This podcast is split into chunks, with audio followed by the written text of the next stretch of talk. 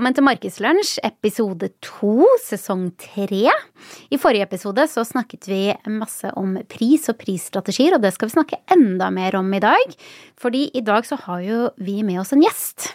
Ja, i dag så har vi eh, besøk i studio. Vi har med oss eh, Ragnhild Silkose. Hun er eh, professor ved Institutt for markedsføring på Handelshøyskolen BI og Universitetet i Tromsø.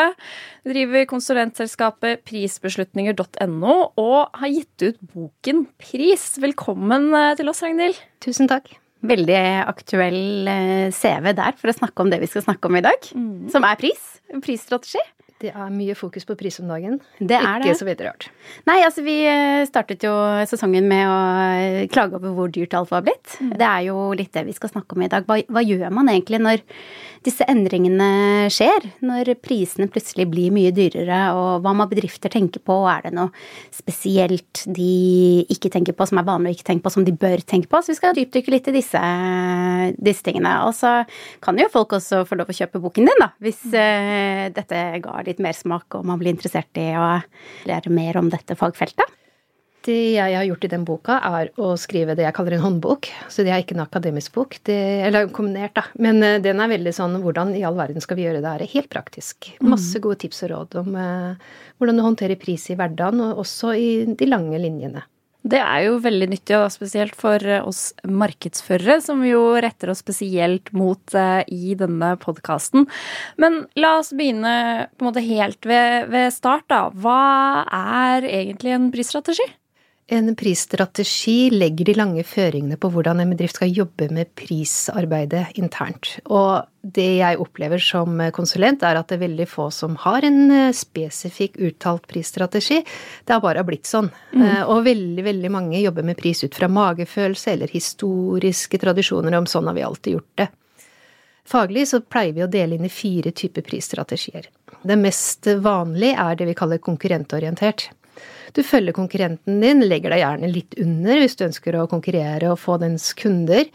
Ulempen med det er jo at du da gir du konkurrenten alle korta på hånda. Mm. Så den kan da dumpe priser i markeder som er viktig for deg, sånn at du tjener veldig lite penger på det som du burde ha tjent mye penger på. Mm. Som et eksempel. Mm. Du kan ha kostnadsorientert prisstrategi. Veldig mange som har, så da tar de kostnader innkjøpspris, og så legger de på en avanse som de føler er rettferdig. Kundene er ganske likegyldige til din rettferdige avanse. De vil ha verdi for seg, selvfølgelig. Og så har du det som heter kundeorientert prisstrategi. Da legger du prisen ut ifra kundens budsjetter. Du tenker at ah, den har så og så mye penger å bruke, og da skal vi legge oss ganske tett opp til det. Veldig vanlig for bilselgere, f.eks., som har ganske stor frihetsgrad i forhold til hvilke priser de kan ta for en bil, eller at de kan tilby tilleggspakker og sånne ting ut ifra hvilke eh, signaler kunden gir. Ulempen med det er selvfølgelig at du kan ende opp med en pris som er ganske forskjellig fra listepris, og så er alle analysene dine og budsjetter basert på listepris og ikke den faktiske prisen, så kan du ryke ganske heftig på det. Mm. Det vi anbefaler faglig, er det vi kaller verdibasert prising. Det betyr at du identifiserer hva verdien er for kundene for ulike målgrupper, og gå litt analytisk til verks, og ut fra det klare å definere hva er min og makspris i et marked. Mm, kjempespennende. Jeg syns dette er eh, Altså bare de tankene der har jeg drevet med å utvikle noe, noe greier hos oss eh, internt eh, om dagen, og da måtte vi jo finne en pris på hva det skulle koste. Og jeg kjenner at vi hadde kanskje ikke en sånn helt bevisst tilnærming til den prissettingen. og jeg hører at vi har gjort en liten sånn eh, sammensurie av alle disse fire punktene. Er det veldig, veldig dumt, eller er det vanlig å gjøre? Er, har du noen tanker om hva er det som er idealmåten å få satt pris? Er det sånn man skal velge én strategi, holde seg til den, eller kan man hente fra litt forskjellige? Jeg tror det mange misforstår med prisstrategi, er at den skal stå alene. En eh, prisstrategi skal knyttes til bedriftens ordinære strategier ikke sant? Nettopp. Og uh, veldig fort gjort å tenke at pris skal maksimere inntekt alltid. Altså du skal ha profittmaksimering. Det som skjer da, er at du kan få flaskehalser i bedriften på produksjon. Ikke sant? Du klarer ikke å levere så mye som det du egentlig da markedet trenger. Nei, for du har priset for lavt, for eksempel? Da. For eksempel, eller at du da makser volum eller noe sånt. da. Det vi ser nå, og litt av grunnen til at pris er så i fokus akkurat nå, er jo fordi at det er litt krisetider. Kundene får mindre inntekter. Altså de må rett og slett planlegge økonomien sin mye, mye bedre. Det må bedriftene faktisk også ta inn i hvordan de skal jobbe med prisstrategi for å oppnå bedriftens overordna strategier. Eksempel nå er det mange som tenker det er overlevelse. Så gjelder det ikke å ta makspris for en kunde, kanskje. Kanskje gjelder det å ta pris som gjør at du fortsatt kan beholde den kunden. Andre ganger da det er oppgangstider, så kan det være at du priser for å få økt volum. Eller økte markedsandeler, eller andre målsettinger for bedriften. Men det å tenke sånn profittmaksimering alltid, det er feil. Det er jo Det syns jeg var en innmari fin måte å tenke på det på. Fordi vi jobber jo mye med Vi må jo alltid innom merkevare i disse episodene. Men med merkevare så jobber man jo ut ifra et hovedmål, og det er kanskje det man gjør her også. Bedriften skal oppnå det og det. Og da må den prisstrategien passe inn for å bygge det. Og som du sier, da er det ikke alltid profittmaksimering. Kanskje det er det for å nå det ene målet, men kanskje det er andre mål om å ta nye markedsandeler. Da må man se på andre måter å prise seg på for å vinne det markedet. Ja, helt riktig. Og det handler om også ikke bare se hver produktlinje isolert, men kanskje én produktlinje skal støtte en annen produktlinje som skal øke eller reduseres i markedsfokus. Noen produkter er mer konkurranseutsatt enn andre, og det her må prisstrategien følge etter. Men det jeg ser da jeg jobber med bedrifter, er at man har veldig sjelden de overordna strategiske rammeverket og det jeg kaller prispolitikken på plass. Nettopp. Altså, man diskuterer ikke internt nok, da. Hva er vår prispolitikk? Hva er reglene våre? Eh, Hvordan skal vi håndtere pris? Og jeg opplever også at veldig mange kan ikke de har ikke det vi kaller stammespråk på pris, da. De snakker ikke om pris på samme måte i de ulike avdelingene. Så veldig mye av arbeidet er å få en felles plattform for hva er pris for oss. Ja, for du tenker ikke da at pris nødvendigvis bare skal ligge hos markedsavdelingen, da? Det er noe hele bedriften egentlig bør samarbeide om? Ja, det er eh, det er ganske brutalt, da. Men uten en bevisst prisstrategi så får du ikke inntekter engang, da. Så det er liksom mm. Du kan snakke om eh, produktutvikling og merkevarer og alt det der, men eh, uten inntekter så kan dere bare glemme det, liksom. Så det er ganske, Det er ganske og, og det er ganske fascinerende hvor eh, lite oppmerksomhet har vært på pris, altså. Men nå sier det jo pang, da. Ja, fordi vi snakket jo litt om det etter at vi, vi pratet sammen forrige uke. Og jeg tror Jeg har aldri fått Altså nå har jeg jobbet som konsulent i snart fem år, og før det som jeg jobbet- på, som markedssjef i andre bedrifter. Og jeg tror aldri jeg har fått prisspørsmålet i fanget. Og hadde jeg det, så er jeg litt usikker på hva jeg hadde gjort. Jeg er glad jeg kjenner til navnet ditt nå. eh, For dette her er en kompetanse som ikke jeg har. Jeg tror det er veldig få som har et bevisst forhold til viktigheten av dette.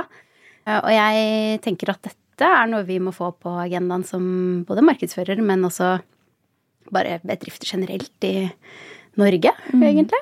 Og litt av grunnen til at man er der, er fordi veldig mange tenker at pris er så lett å endre. Og det er også like lett for konkurrentene, men det mentale hos kundene, det blir sittende fast. Ja, for det er det ikke lett å bare endre pris? Kan man ikke bare Hva er konsekvensene hvis man endrer en pris? Du sier det mentale sitter. Ja, fordi at eh, hvis du dumper pris, så vil kunden tenke at ah, dere kan gå så lavt, ja. Hvorfor skal jeg da kjøpe til full pris senere, hvis jeg vet at du faktisk kan ta en lavere pris? Og nå er vi inne på det som kalles pristaktikk, som veldig mange assosierer med pris. Og det er den derre når skal vi ha kampanjer, ikke sant, og hvilke kampanjer. Og til og med der er det litt sånn derre tilfeldigheter. Altså de tenker at ah, det produktet her kan vi kjøre ut på kampanje nå, ta masse rabatter eller to for én eller hva det måtte være. Man må sette det inn i planen, da. ikke sant? Når skal kampanjen være? Hvor lang skal den være? Hvilke produkter skal det være? Hva er konsekvensene på målgruppen? Hva er smitteeffekten på andre målgrupper?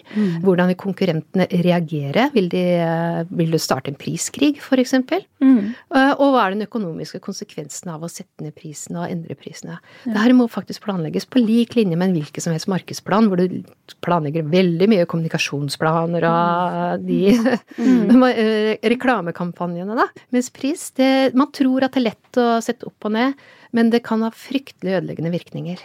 Ja, ikke sant. Så da må man også kanskje sette, som du sier, da, jobbe mye med så man setter de riktige målene, og også da så man måler resultatene riktig på slutten av en kampanje, da.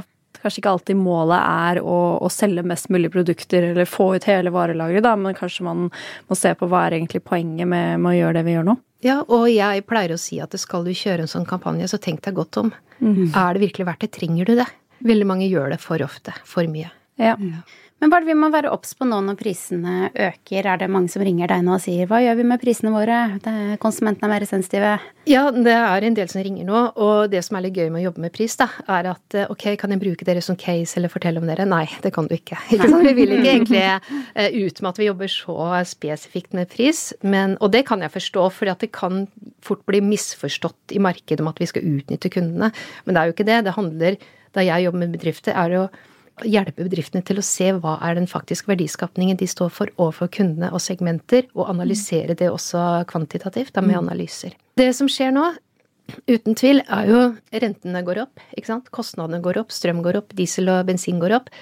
Kundene har eh, et budsjett som ikke har økt veldig mye. Så de vil bli mye mer prisbevisst fremover. Mm. Og det fører til at de vil shoppe kampanjer og tilbud i mye større grad, og vil bruke mer tid på å dra imellom ulike aktører for å handle det produktet som er bra der og da.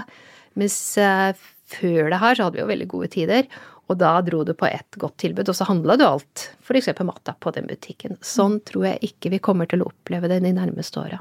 Nei. Eller året. Vi mm. vet ikke hvor lenge det varer, da. Ja, nei, det, jeg merker det selv. Jeg, jeg er jo ikke noe sånn, ikke case-basert på meg, men jeg merker jo at min atferd har begynt å endre seg allerede. Mm. Det tror jeg nok mange begynner å tenke litt på, at skal man kjøpe det og det, hva er det som er must have, need to have, nice to have, og hva man er villig til å betale for det. Ja, og hva har du egentlig allerede? ja. Men, men hva, hva, skal bedrifter gjøre nå, da, gitt at de er i den situasjonen at de begynner å merke at det blir vanskeligere å få kjøpere av sine produkter og tjenester? Har du noen gode råd til de? Hva, hva skal de gjøre? Det de skal gjøre, for det første, er å identifisere kundesegmenter. Veldig fort gjort å tenke at du er til for alle, og alle trenger deg. Ja, det gjør det, men du er bedre på noen enn andre. Ikke sant? Så finn ut hvilke kundesegmenter er det du er overlegen god på, og levere nytte.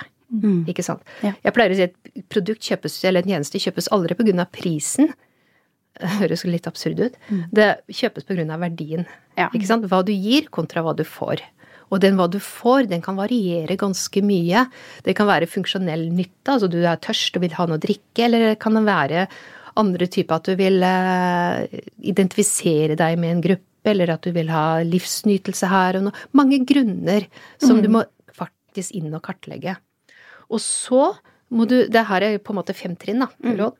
For det første er kundesegmentet. Det andre er hva ville kunden ha kjøpt hvis du ikke eksisterte? Nettopp. Ja. Så hva er det beste alternativet på markedet, og det er da din fremste konkurrent. Mm. Ikke sant? Det er et godt spørsmål. Ja. ja. Eh, og hvis du ikke vet det, så vet du heller ikke hvor på en måte grensene hos kunden ligger. Og nå da vi får litt tøffere tider økonomisk, så før så kunne det vært at skal jeg kjøpe den sofaen eller den sofaen, nå kan det være sånn skal jeg kjøpe den sofaen, eller skal vi dra på ferie? Mm. Så sammenligningsgrunnlaget og det vi nå vurderer opp mot hverandre, kommer til å endre seg. Og okay. det må du vite for å klare å treffe den målgruppa som du har satt. Mm. Og så er det sånn at eh, for å drive da det vi kaller verdibasert prising, punkt tre, du må vite hva som er forskjellig hos deg kontra det der beste alternativet. Og der er det mange som eh, misforstår. De tror at det, det som vi er gode på, det er ikke nok. Det er det som dere er gode på, som ikke andre tilbyr, eller som ikke andre er like gode på. Så de der, det vi kaller differensieringsegenskapene, de må både være forskjellige fra de andre, det må være viktig for kunden, mm. det må være synlig, og det må være tydelig. Og da er vi inne på merkevare. Ja, ja, ja og merkevare kan absolutt være en uh, viktig differensieringsegenskap for kundegruppa. Absolutt. Men da kommer trinn fire, da. Da må du klare å sette et tall på det. Mm. Hva er det en merkeassosiasjon verdt for kundene dine? Og det kan vi kjøre analyse på. Det er ikke så veldig vanskelig, faktisk. Mm. I Excel til og med, hvis man ellers liker det, da. Yes. Og ut fra det her så regner du da det vi kaller total økonomisk verdi, som sier da ikke hva er prisen i markedet, men hva er maksprisen du kan ta i markedet. Mm. Mm. Og som vi sa i stad, det er ikke sikkert det er det optimale gitt markedssituasjonen og konkurransesituasjonen, men du kan ikke gå over det, for da vil kunden føle at det ikke er verdt det. Ja. Så ditt råd, da, hvis man er nå med drift som ser at eh, salget synker eller stuper, så er det på en måte ikke bare dump prisen med en gang, men ta et steg tilbake og så eventuelt gå gjennom disse fem trinnene. Ja. Mm. Gå rett og slett, altså finne ut hva, hvilken verdi er det du skaper som er unik, hva er betalingsviljen for den verdien. Mm. Mm. Og hvis du dumper prisen, da kan du være skikkelig bra ute og komme i en priskrig. Ja, ja. Og den eh, pleier ikke å gå veldig bra. Ok. For noen involverte. Kanskje de som skal kjøpe noe veldig billig. Vi snakker en del om altså B2C versus B2B, og det er jo to veldig sånn store bolker, da, så det er jo litt upresist. Men ser du noe forskjell på disse to grupperingene når man skal sette en prisstrategi, eller hvem som brukes prisstrategi mer aktivt enn andre? Det er både likheter og ulikheter. Det vi selvfølgelig ser, er at i B2C er det profesjonelle innkjøpere. Og det er en annen som kjøper inn, som skal bruke. Ikke sant? De er mye mer trena i forhandlinger, så de er mye mer tydelige på hva de krever, også av leveranser og sånne ting. På en måte er det litt lettere å jobbe med B2B, fordi mm. de er så tydelige på produktegenskaper og funksjoner. Og det er mye lettere å kvantifisere det kontra en merkeassosiasjon, ikke sant, som er på B2C. Mm. Så B2B, de er uh, profesjonelle, flinke, uh, tydelige. De ønsker også å bevare en relasjon, så de ønsker ikke å skvise deg så mye økonomisk at du går ut av uh, business, fordi de ønsker å handle av de som de har gjort over mange år, ofte. Mm. B2C, der er det jo mye mer enkeltkjøp, selvfølgelig. De eh, handler der det er eh, greit og enkelt og optimalt. Mye mer psykologi. Mm. Ja. Jeg har jo et kapittel i boka mi som heter Tallmagi, da, som viser ganske mange morsomme eksempler på hvordan du, hvordan du presenterer tallene. Kan få en, ett og samme produkt til å fremstå som veldig billig eller veldig dyrt. Ja. Mm. Så det er mange tips. Er det med formuleringene på hvordan man sier tallet, eller Ja, både hvordan du sier tallene, om du bruker punktum på 1000, om du bruker KR-symboler, hvilke farger du bruker, rekkefølgen mm. på tallene, bruk av 1, 2, 3, 4, konta 5, 6, 7, 8, 9, bruk av 99. Også den derre hvordan du pakker produkter, som man ikke tenker, da. Mm. Og selve tallbruken òg. Altså hvis du bruker da veldig spesifikke tall. Hvis, la oss si at du skal selge bruktbilen din privat på finn.no. Hvis du da legger inn den til eh, la oss si 147 968 kroner, så vil kjøperen føle at det her er en ekte verdi, ekte pris, fordi den er så spesifikk. Så den vil forhandle mindre, prute mindre. Oi. Enn om du hadde sagt 150 000. Da føler jeg at her er det rom for uh, virkelig å gå inn i en uh, debatt. Så mange sånne tips om hvordan du presenterer tall. Ja. Altså, det er jo bare Det er jo verdt hele episoden i seg. Nå skal jeg på Finn og legge ut alt mulig rart, ikke bare til 100 ja. kroner. Men det handler jo om eh, kommunikasjon, da. Ja. Det er jo der det på en måte kommer inn. Kommunikasjonsfaget også. Så. Ja. ja. det er kjempeinteressant. Og hvis du f.eks. skal selge eh, merkevare, liksom prestisjevare og sånne ting, så skal det gi en god følelse, ikke sant. Som da lønner det seg rundetall, for det gir liksom behagelig, enkelt, easy going. Mm. Hvis du skal selge et treningsapparat til en som er ihugga, som er virkelig profesjonell trener, mm. så lønner det seg ikke av rundetall, for den vil ha noe igjen for den eh, innsatsen den gir. Så hvis du da gir et litt mer komplisert tall, så vil den føle at det matcher overens med det de faktisk da ønsker å bruke produktet til. Mm. Her må du vite før du gjør det. Så her, da sitter man igjen med følelsen at her er det noen som virkelig har regnet på Nei, den, du, nei det er ikke det. Det her, det du må bruke kognitiv kapasitet for å bearbeide tallet. Oh. Og det å gjennomføre den treninga krever også innsats. Ikke sant? Så da matcher det. Ja. Så hvis du prøver å selge det apparatet til eh, la oss si 20 000, så vil en kanskje ikke kjøpe det, kontra om det var 22 eh, 765 kroner. Mm. Men altså 99,90, 199,90, det er jo sånn tall vi har hørt i veldig, veldig mange år. Går vi fortsatt fem på, eller har vi begynt å bli vant til det tallet? Må vi begynne å bruke 79? Jeg ser 79 er sånn Jeg kjøpte en sandwichheise til 89 kroner. Mm. Det er det er vi, er vi så enkle dyr at vi fortsatt år etter år etter år reagerer helt likt kognitivt på den type tall, eller begynner vi å bli litt mer plassert på 99-90? Ja, det er ikke noe absolutter i faget vårt, fordi noen mennesker er jo selvfølgelig mye mer bevisste på pris enn andre, mm. men eh, ja, det funker ganske bra. Det gjør det. så greit å vite det. Følte meg litt truffet av den, kjenner jeg. Altså så du er helt uh, normal. Ja, ja, det er godt, godt, å høre. Godt under hundrelappen, tenker ja, man da. Ja, ja, ja. Sparte elleve kroner. Men hva med, når vi snakker med kommunikasjon og pris, hva med måte dette med personalisering, da? Det også blir det jo snakk om veldig mye for markedsføring, at man skal altså på alle områder, da, at uh, nå må man mye mer vite hvem kunden er, og personalisere kommunikasjon og produkter man tilbyr og sånne ting. Kan man gjøre det på, på pris også?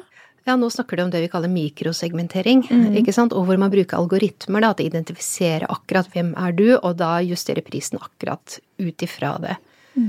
Og det kommer for fullt, selvfølgelig, men da har jeg en liten sånn varsko. Mm. For det kan slå tilbake. Mm. Og det vi sier at det skal du jobbe med differensierte priser mellom kundesegmenter, så er det én regel, og det er at kunden må kvalifisere for en lavere pris. Mm. mm. Og hvis man ikke gjør det, så vil kundene føle at det er urettferdig. Ikke sant? Ja. Og da ringer de meg og på TV 2 hjelper deg, og så spør de liksom ja, hvordan kunne de gjøre det her? Så sier de at nei, her må de jobbe mye mer saklig med pris, ikke sant. Mm, ja. Eh, for det, det, også, det, at du har ulike priser for ulike kunder, og de mm. ikke føler at det er det rasjonale bak det, da kan de reagere på to måter. De kan reagere kognitivt, at de ønsker en oppreisning, og det får dere bare håpe på. Liksom. Mm. Håper dere har liksom da supportapparatet klart til å gi dem det. Eller så kan de reagere affektivt. Mm. Og da er det følelser med i bildet. Da kan det ta av. Mm. Okay. Da, da, kan det være, da, kan det gå helt til at de ønsker hevn. Ja, oh, ja, såpass, okay. ja. ja, ja. Så det hjelper ikke at de får produktet gratis engang, for de skal ha hevn. Ja, okay. Og da er det brytende merkevare og eh, Ja, og da er det sosiale medier og full pakke. Ja, så man må man må på en måte finne den balansen da, ved at kunden på en måte setter pris på det og tenker 'å, her fikk jeg en god deal', merkevaren kjenner meg så godt, versus at de føler seg da overvåket, eller at de, de gikk glipp av noe, da. Ja, og det jeg pleier å si er at her må vi bruke prisstrategi til å sette de reglene mm. før det begynner å leke for mye med algoritmene. Mm. Mm. Coop har jo disse kupongene sine for de av dere som har eh, appen til Coop. Så mm. stadig vekk så får man sånn å, nå har, og så er det litt sånn presang, og så er det nå har du ti nye kuponger, og så får du noe avslag på noe greier. Mm. Det er vel egentlig innenfor dette med mikrosegmentering, men da kan man på en måte ikke ta de på at jeg fikk den og den prisen, fordi jeg fikk disse kupongene som jeg kan bruke. Da får jeg avslag i pris på den, det og det produktet. Så det er, det er på en måte ikke samme som å bare sette ned prisen ti kroner for meg, men nestemann må betale ti kroner mer enn det jeg gjorde.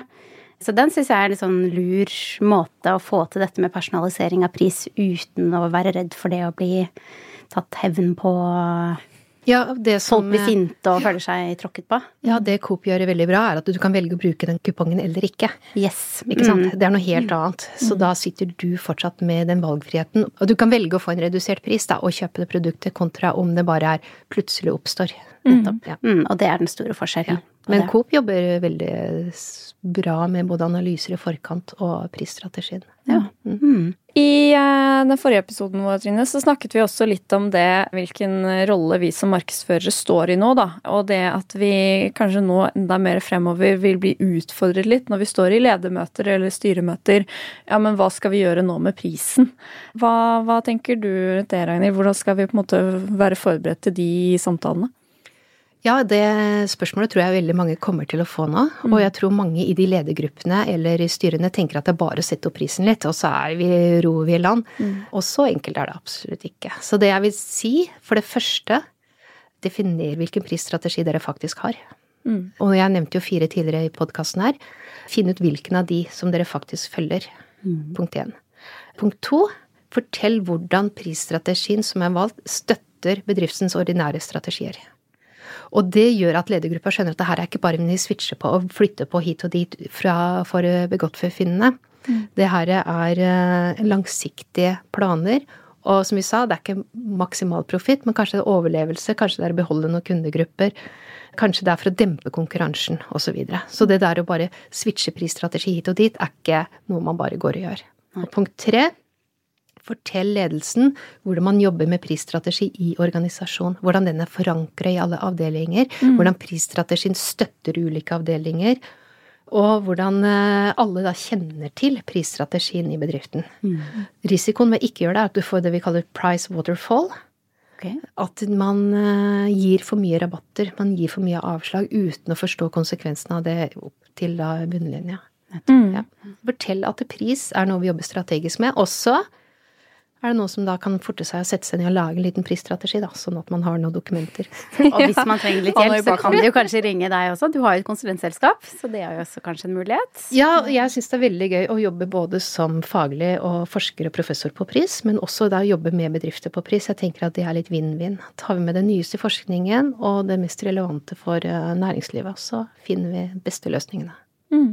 Tusen takk for at du kom og belyste dette med prisstrategi. Jeg lærte masse, og håper og tror at veldig mange der ute også kommer til å lære mye av denne samtalen. Mm. Og jeg skal i hvert fall gå hjem og tenke litt mer på disse forskjellige strategiene, og hvordan vi jobber med, med prisstrategi hos oss, og også ute hos kundene våre. Ja, absolutt. Takk for i dag. Takk for i dag. Takk for i dag.